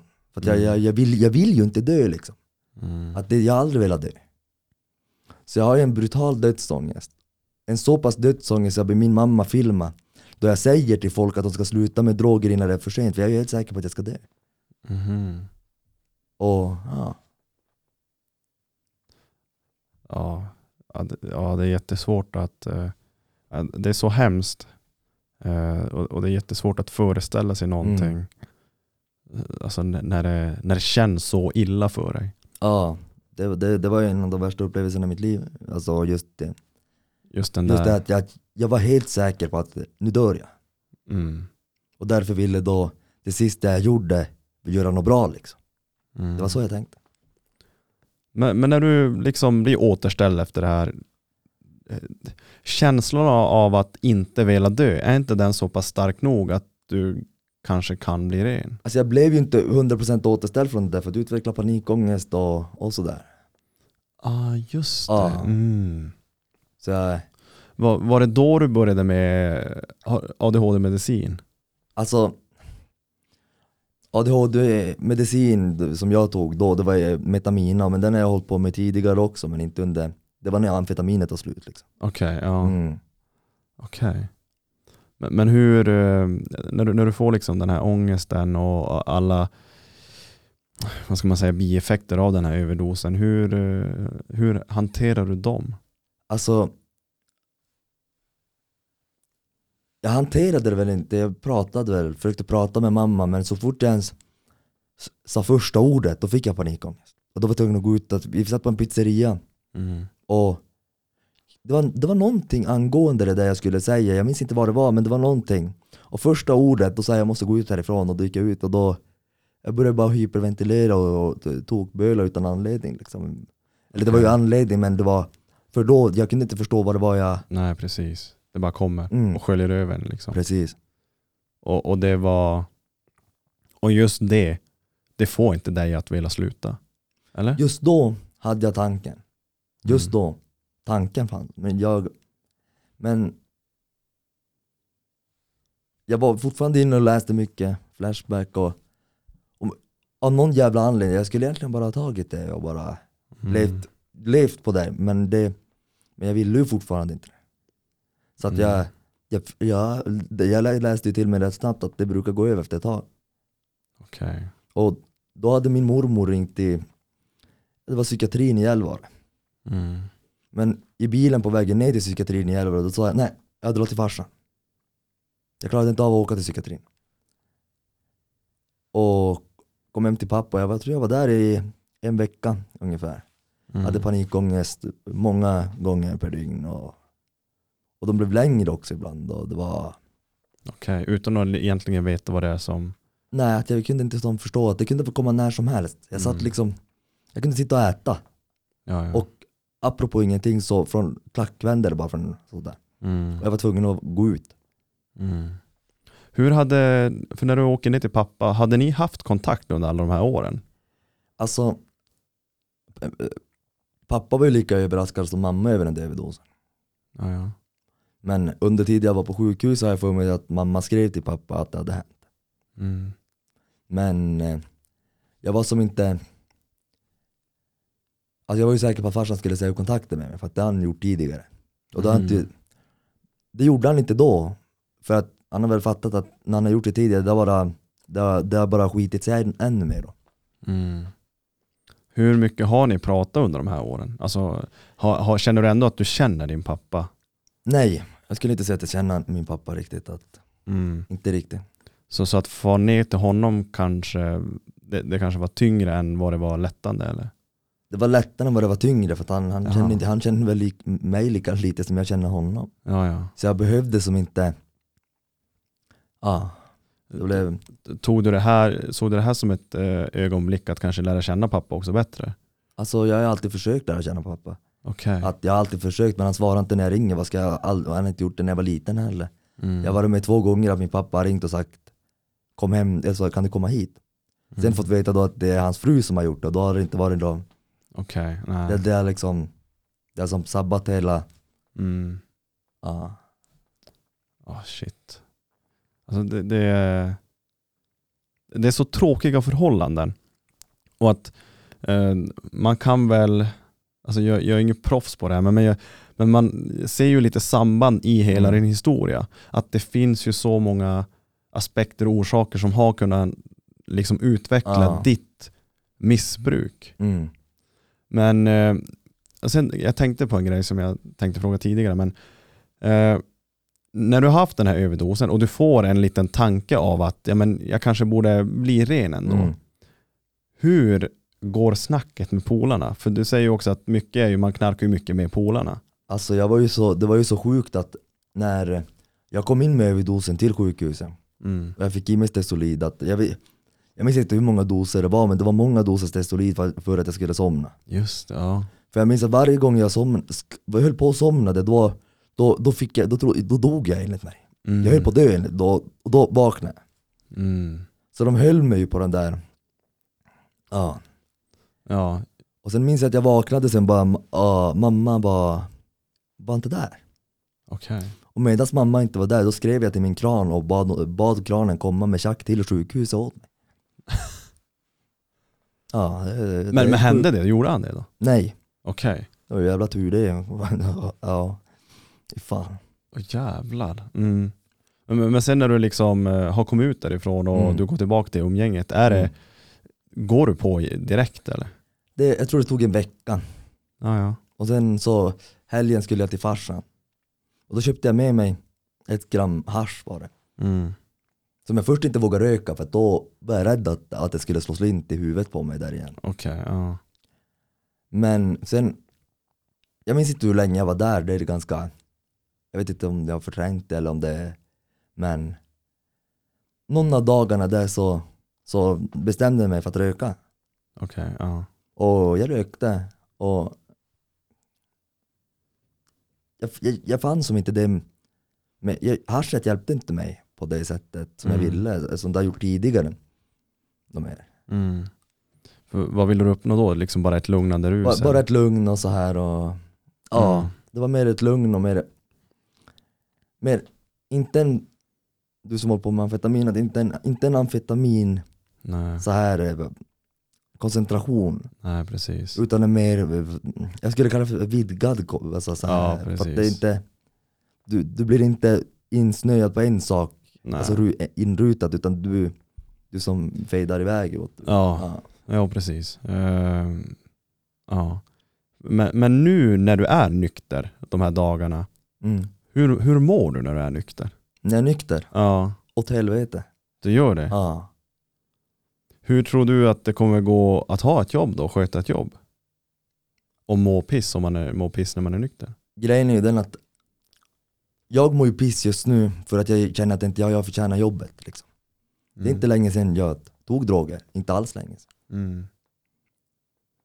Så att då blir det, men det låter som att du klandrar dig själv lite grann. Alltså du, du Vem ska jag klandra andra? Det är bara jag, det är jag som är centralt i mitt liv på det Absolut, sättet. absolut. Så, ja det är, ju, det är ju sant, men när du får en sån här chans och den här lågan tänds i Mm. dig som du säger, Mm. är inte den viljan starkare? Grejen är den att nu känner jag att den är det. Men jag kan Mm. inte lova hur, hur, Nej. hur den ser ut nästa vecka. Jag kan bara säga hur den ser ut nu. Mm. Ja, ja jag förstår. Min plan var ju egentligen att börja jobba näst, nästa vecka. Okej. Det var, det var min tanke. Mm. Men ja, jag träffade personen och han, han löste det. Det är dags. Mm, han, Det är dags. Får du mycket stöd av polarna när det händer sånt här? Det här är ju faktiskt ett bra skede i livet. om Där- jag ber om det, om jag ber om det på, alltså inte av alla vänner, det skulle jag inte säga. Nej. Inte av alla vänner. För att många av de vännerna de, de börjar tappa vad, vad, vad vi har gemensamt. på det sättet. Mm. Just det. Eh, för det kunde jag också känna att de här vännerna man har när man tar droger, det är ju inte riktigt ens riktiga vänner. Eh, men, men det är ju svårt att se före man blir ren. Alltså, det finns inga människor, människor som har funnits så mycket där som de har gjort. Mm. Så därför jag skulle jag inte, alltså vilka andra vänner har jag, så vilka är de riktiga? ja, Det är det jag funderar. Nej liksom, att- precis. Eh, Det är klart vi sitter här med två olika ögon. ja. Men eh, för, för det jag tänker, det som håller er ihop Mm. är ju drogen. ja. Men vad gör du när den är borta då? Och vad gör de mot dig när den är borta? Som du säger att du önskar att de respekterar dig. Ja, ja det gör jag absolut. Men, Och jag vet att många av dem gör det. mm, Jag vet okej. att många av dem gör det. Mm. Säger jag att jag inte vill ta, då kommer de inte de ta i närheten av. Ja just det. Mm.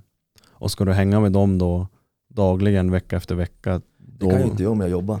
Nej, precis. Alltså det, blir ju, det blir ju en jättestor omställning för, Mm. att, för att det ska eh, klicka så bra som man vill Mm. att det ska göra. Absolut. Och är du redo för det som du känner nu? Grejen är den att jag är redo för att börja jobba Mm. och försöka ta tag i mitt liv. Jag lovar aldrig någonting. Någon, no, jag lovar inte min mamma att jag då ska jag vara, ska jag vara nykter, för jag vet inte. Mm. Jag vet inte. Nej. Jag kan bara säga att det känns som, som att jag skulle kla- kunna klara av det. Mm. Just för att jag gör det för min egen skull och har just För att den här personen som, som åh jäklar, den här personen som gjorde det här så att det lyckades lösa så att jag fick ett jobb. Mm. Det är just att han har använt sin, sitt namn Mm. och han vet vad jag, vad jag har gjort. Han vet, han vet mycket väl vem jag är också. Mm. Och jag har varit helt öppen med. Mm. Han väljer ändå att hjälpa mig. Mm. Alltså det är, ja. Och planen är att han ska vara med mig den för, första halvåret, ett år. Mm. Mm. Det, det är en... eh, Jag tror att det är bra att man ändå på något sätt försöker göra sig Mm. förberedd i din, alltså i din sitt som du Mm. är i nu. Så att du inte kommer...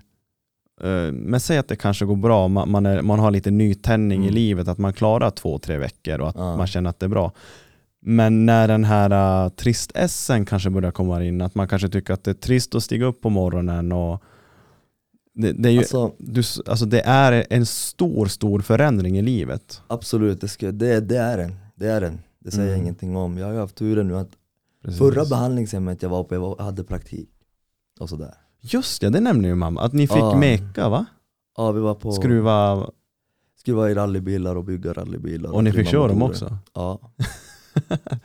och det är ju också så här, fan vad kul. Jo. Att liksom, ja men ni gör det här hårda jobbet. För han hade väl krav att ni skulle vara rena? För att... Ja, han hade ett krav att vi skulle vara innan. Mm.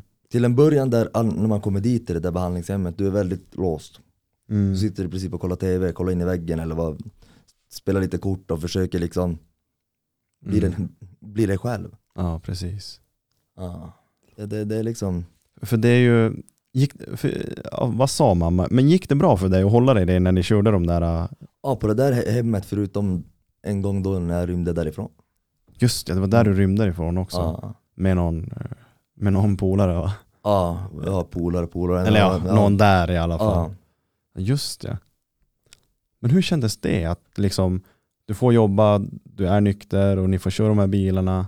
Vad är det som får er att rymma? När ni har det så bra ändå? Det var så här att jag och den personen, det var, vi var fel vi var, vi var inte bra för Ni varandra. skulle inte, nej. nej, vi skulle inte vara på samma behandlingshem. Det var Ja. det det var. ja. Vi triggade varandra. Mm. Och grejen var ju den att jag hade inte ens planerat att, att, att rymma. Han hade hållit på att planera att rymma. Mhm. Och vi pratade och, och när man börjar prata om att rymma, då börjar man prata om droger. När man börjar, börjar Mm. prata om droger, då är man tillbaka i samma... Man kommer automatiskt då in, eller jag gör, jag vet inte hur det är med Mm. andra, men att in i samma tankemönster liksom. Just det. Mm. Och då är, då är ju helt plötsligt ångesten inte att, att, att svika familjen, ångesten är ju att du inte har droger. Mm. Det ändras helt i, och det, det kan gå från en natt till en annan. Liksom. Just det. Mm. Det kan vara en händelse, eller en, ett ord som någon säger, som får en att, att, att tänka en tanke Mm. som sen blir ett fall. Ja. Mm. Ja, jag, jag tycker ändå du förklarar det ganska bra. Eh, för det är ju det är dina känslor, det är Mm. din bild på det hela och det är dina upplevelser, dina erfarenheter. Mm. Eh, men eh, ja, jag vill ju också på något sätt eh, få ur dig liksom din, dina åsikter och din bild av liksom livet nu. Och Om, om vi går in lite på, på livet nu då med jobb och allting. Mm. Jag pratade lite om plan tidigare, att det, det, är, det är såklart ett stort steg i livet för Mm. dig. Men om du får säga med dina ord då, hur, hur du eh, har tänkt att lägga upp det här. Liksom med Nu- jobb och, Nu för det första håller jag på att trappa ner. Liksom. ja, Det är det jag håller på med nu. ja, Jag skulle, alltså, jag skulle inte säga, inte säga att jag är påtänd här och nu, det är jag inte. mm, Utan det är bara för att hålla mig i schack till att ta tag i det. Liksom.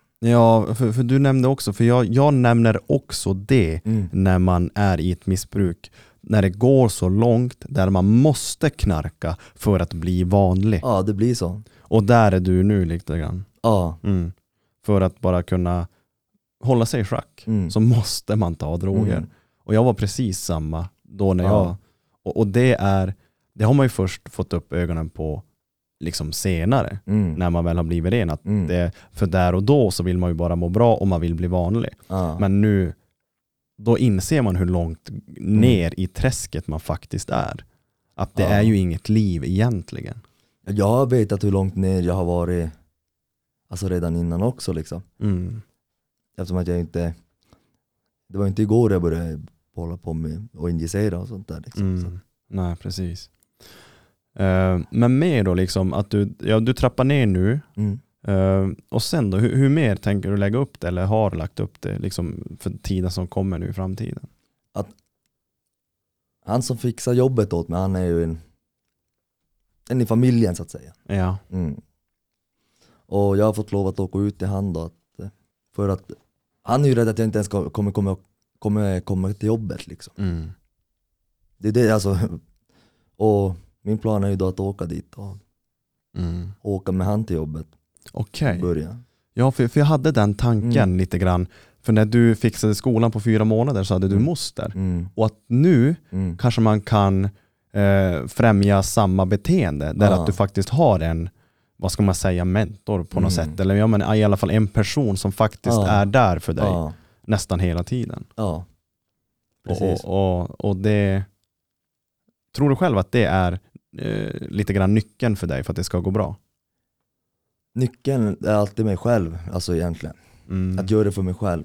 Det är det som gör, kommer göra att någon klarar att att vara ren. Mm. Det är att man gör det för sig själv, du kan inte göra det för någon annan. Mm. Och jag vill jobba, jag vill ju stå på egna ben. Mm. Jag vill inte leva som en igel på andra, det är inte roligt alltså. Det, Nej. jag har gjort det hela livet, det, det räcker liksom. Mm. Och det har jag sagt åt den personen också. Ja, precis. Och jag har varit ärlig med varenda fråga han har frågat. Mm. För att kunna, jag tror att för att kunna för att kunna gå vidare så måste man någonstans vara ärlig. Jag har varit ärlig med mig själv men mot andra just kring Mm. det här. Mm. Det är min filosofi. Alltså, du låter ändå klok eh, och, och det är ju ett, för mig ett gott tecken. Eh, trots din eh, ringa Mm. ålder. Och, och, och nu liksom när man har fått höra hela din, Mm. eh, en, stor stor del av ditt liv och liksom missbruket och dina egna tankar.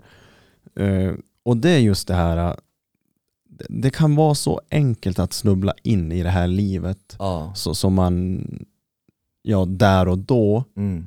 inte tänker på att det kommer bli. För, för ja, det blir att man testar av nyfikenhet. Precis. Man får ett rus. Precis. Och sen så svischar tiden förbi och Mm. nu sitter vi här. Alltså jag tänkte ju aldrig att jag skulle bli en sprutmissbrukare när jag testade röka hasch liksom. Mm. Första gången jag testade röka hasch då tänkte jag att jag, jag skulle röka hasch. Och det, det var, Mm. sen så Precis. blev det så mycket mer. Och, och det är det som är farligt att man eh, Alltså jag skulle aldrig rekommendera någon att ens av nyfikenhet Nej. testa. För att det kan bli så jävla fel. Mm. För faller du för drogen, då har du någonting som är starkare än allt annat i den här världen som är efter dig. Ja, och det var ju det som hände med amfetamin. Att Mm. jag kände, den, där. För, för, det, för det som är sanningen med droger, det Mm. är att du kan nästan aldrig för stunden hitta ett sånt bra mode Nej, i dig själv nej eh, precis. Eh, än om du skulle vara nykter. Liksom. Och det är det som är drogen, det är det som är Mm. abstinensen. Att fan man vill må sådär bra igen, man vill må sådär bra igen. Ja. Tills det har gått för långt. Det var ju som med amfetaminet där att, att när jag testade först amfetamin i näsan, då var det min drog. Mm. När jag testade injicerade, det, det var ju som en helt annan drog men det var så många gånger bättre Mm. än att ha det i näsan. Och sen utan att tänka på det så är man fast. Ja, Och, och då är man där. ja. Och då... Ja. Jag sa att jag skulle testa det en gång, men det blev Okej. två gånger. Sen Mm. sa jag att jag skulle göra det ibland, men sen blev det hela tiden Mm. i princip. Mm.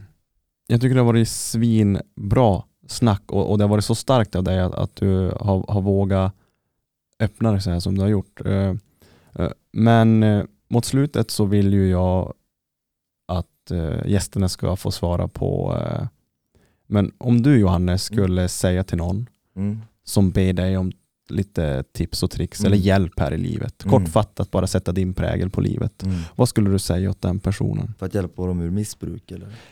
ta bara egentligen eh, i, generellt i allmänhet. Liksom med de erfarenheterna du har, Mm. eh, just bara mot livet. Va- vad du anser är bra här i livet.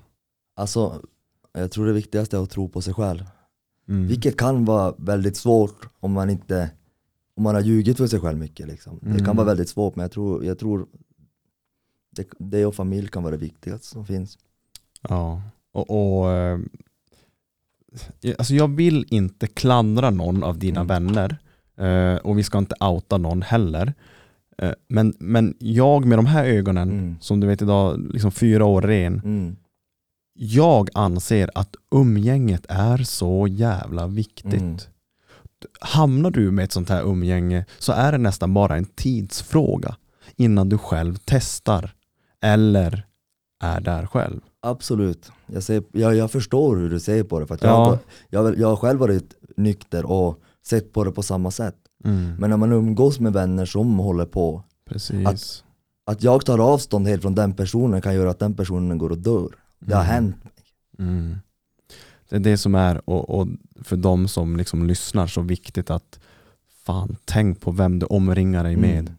Det kan vara livsavgörande. Ja, det är så. Tror du att du hade varit eh, ren idag om du hade eh, haft annat umgänge. Jag är inte ren idag.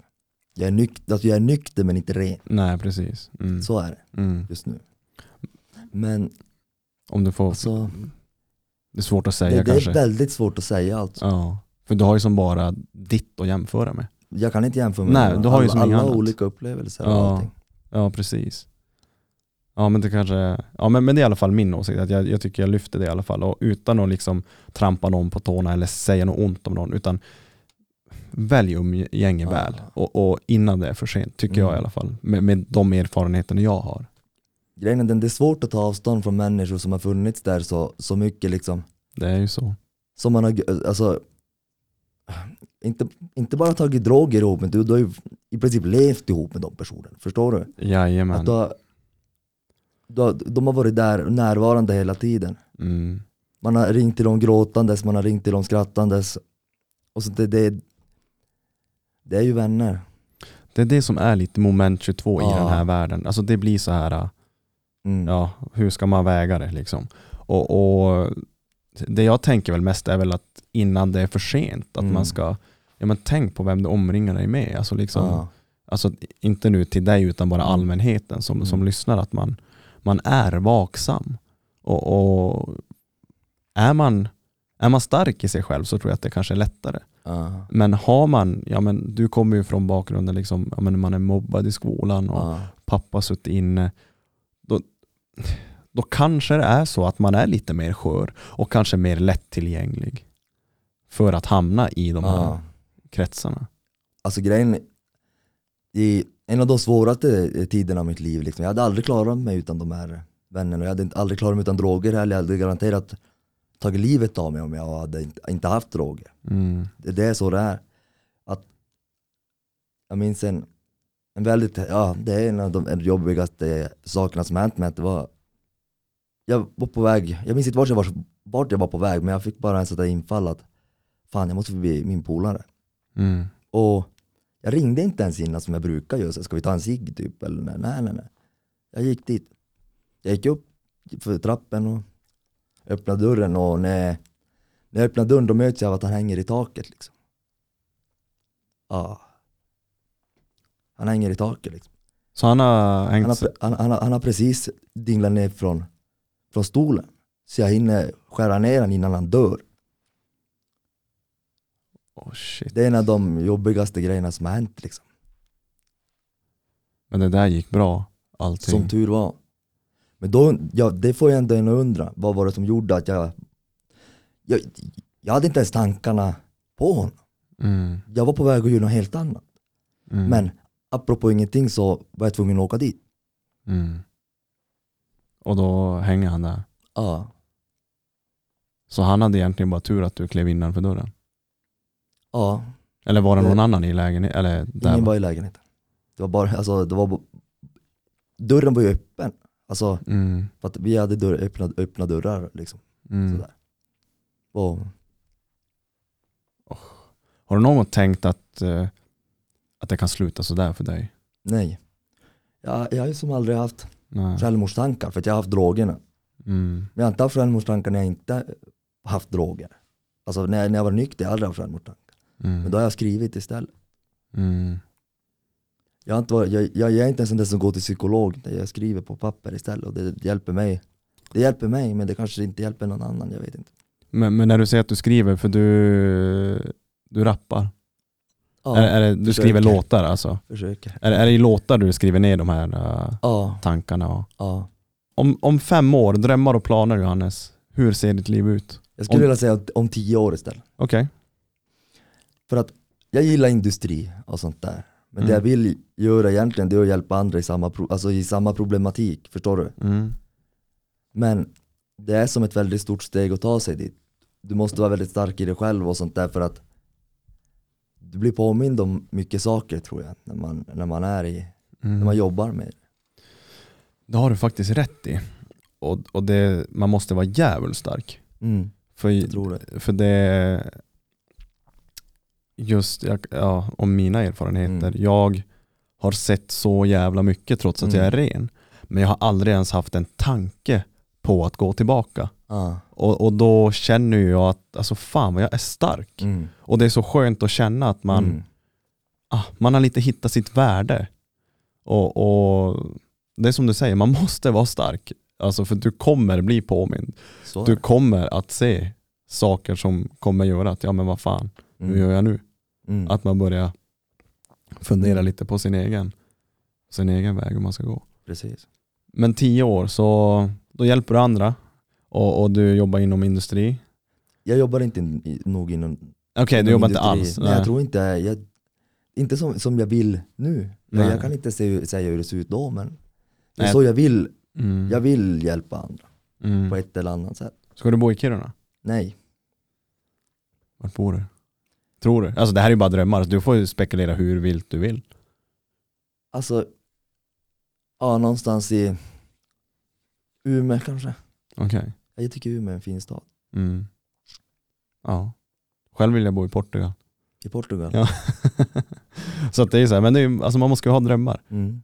och försöka göra dem till verklighet, anser jag. Mm. Det är därför jag brukar fråga den här sista frågan, att vad gör vi i livet? Och då kan du ju, jag säg om tio år kan du gå tillbaka och lyssna på det här, att fan, jag hade ju de där drömmarna.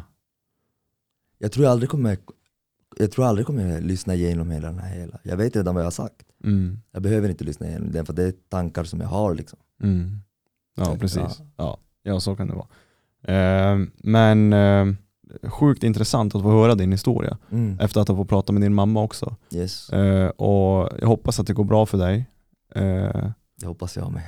såklart. Och, och jag hoppas du får det, du, det stöd du behöver Mm. eh, för att eh, kunna hitta det liv du vill ha. Och ja, annars har jag inte så mycket mer. Det var roligt att få sitta ner med dig Johannes. Tack detsamma. Så vi säger väl på återseende. Hej då! Jajamän.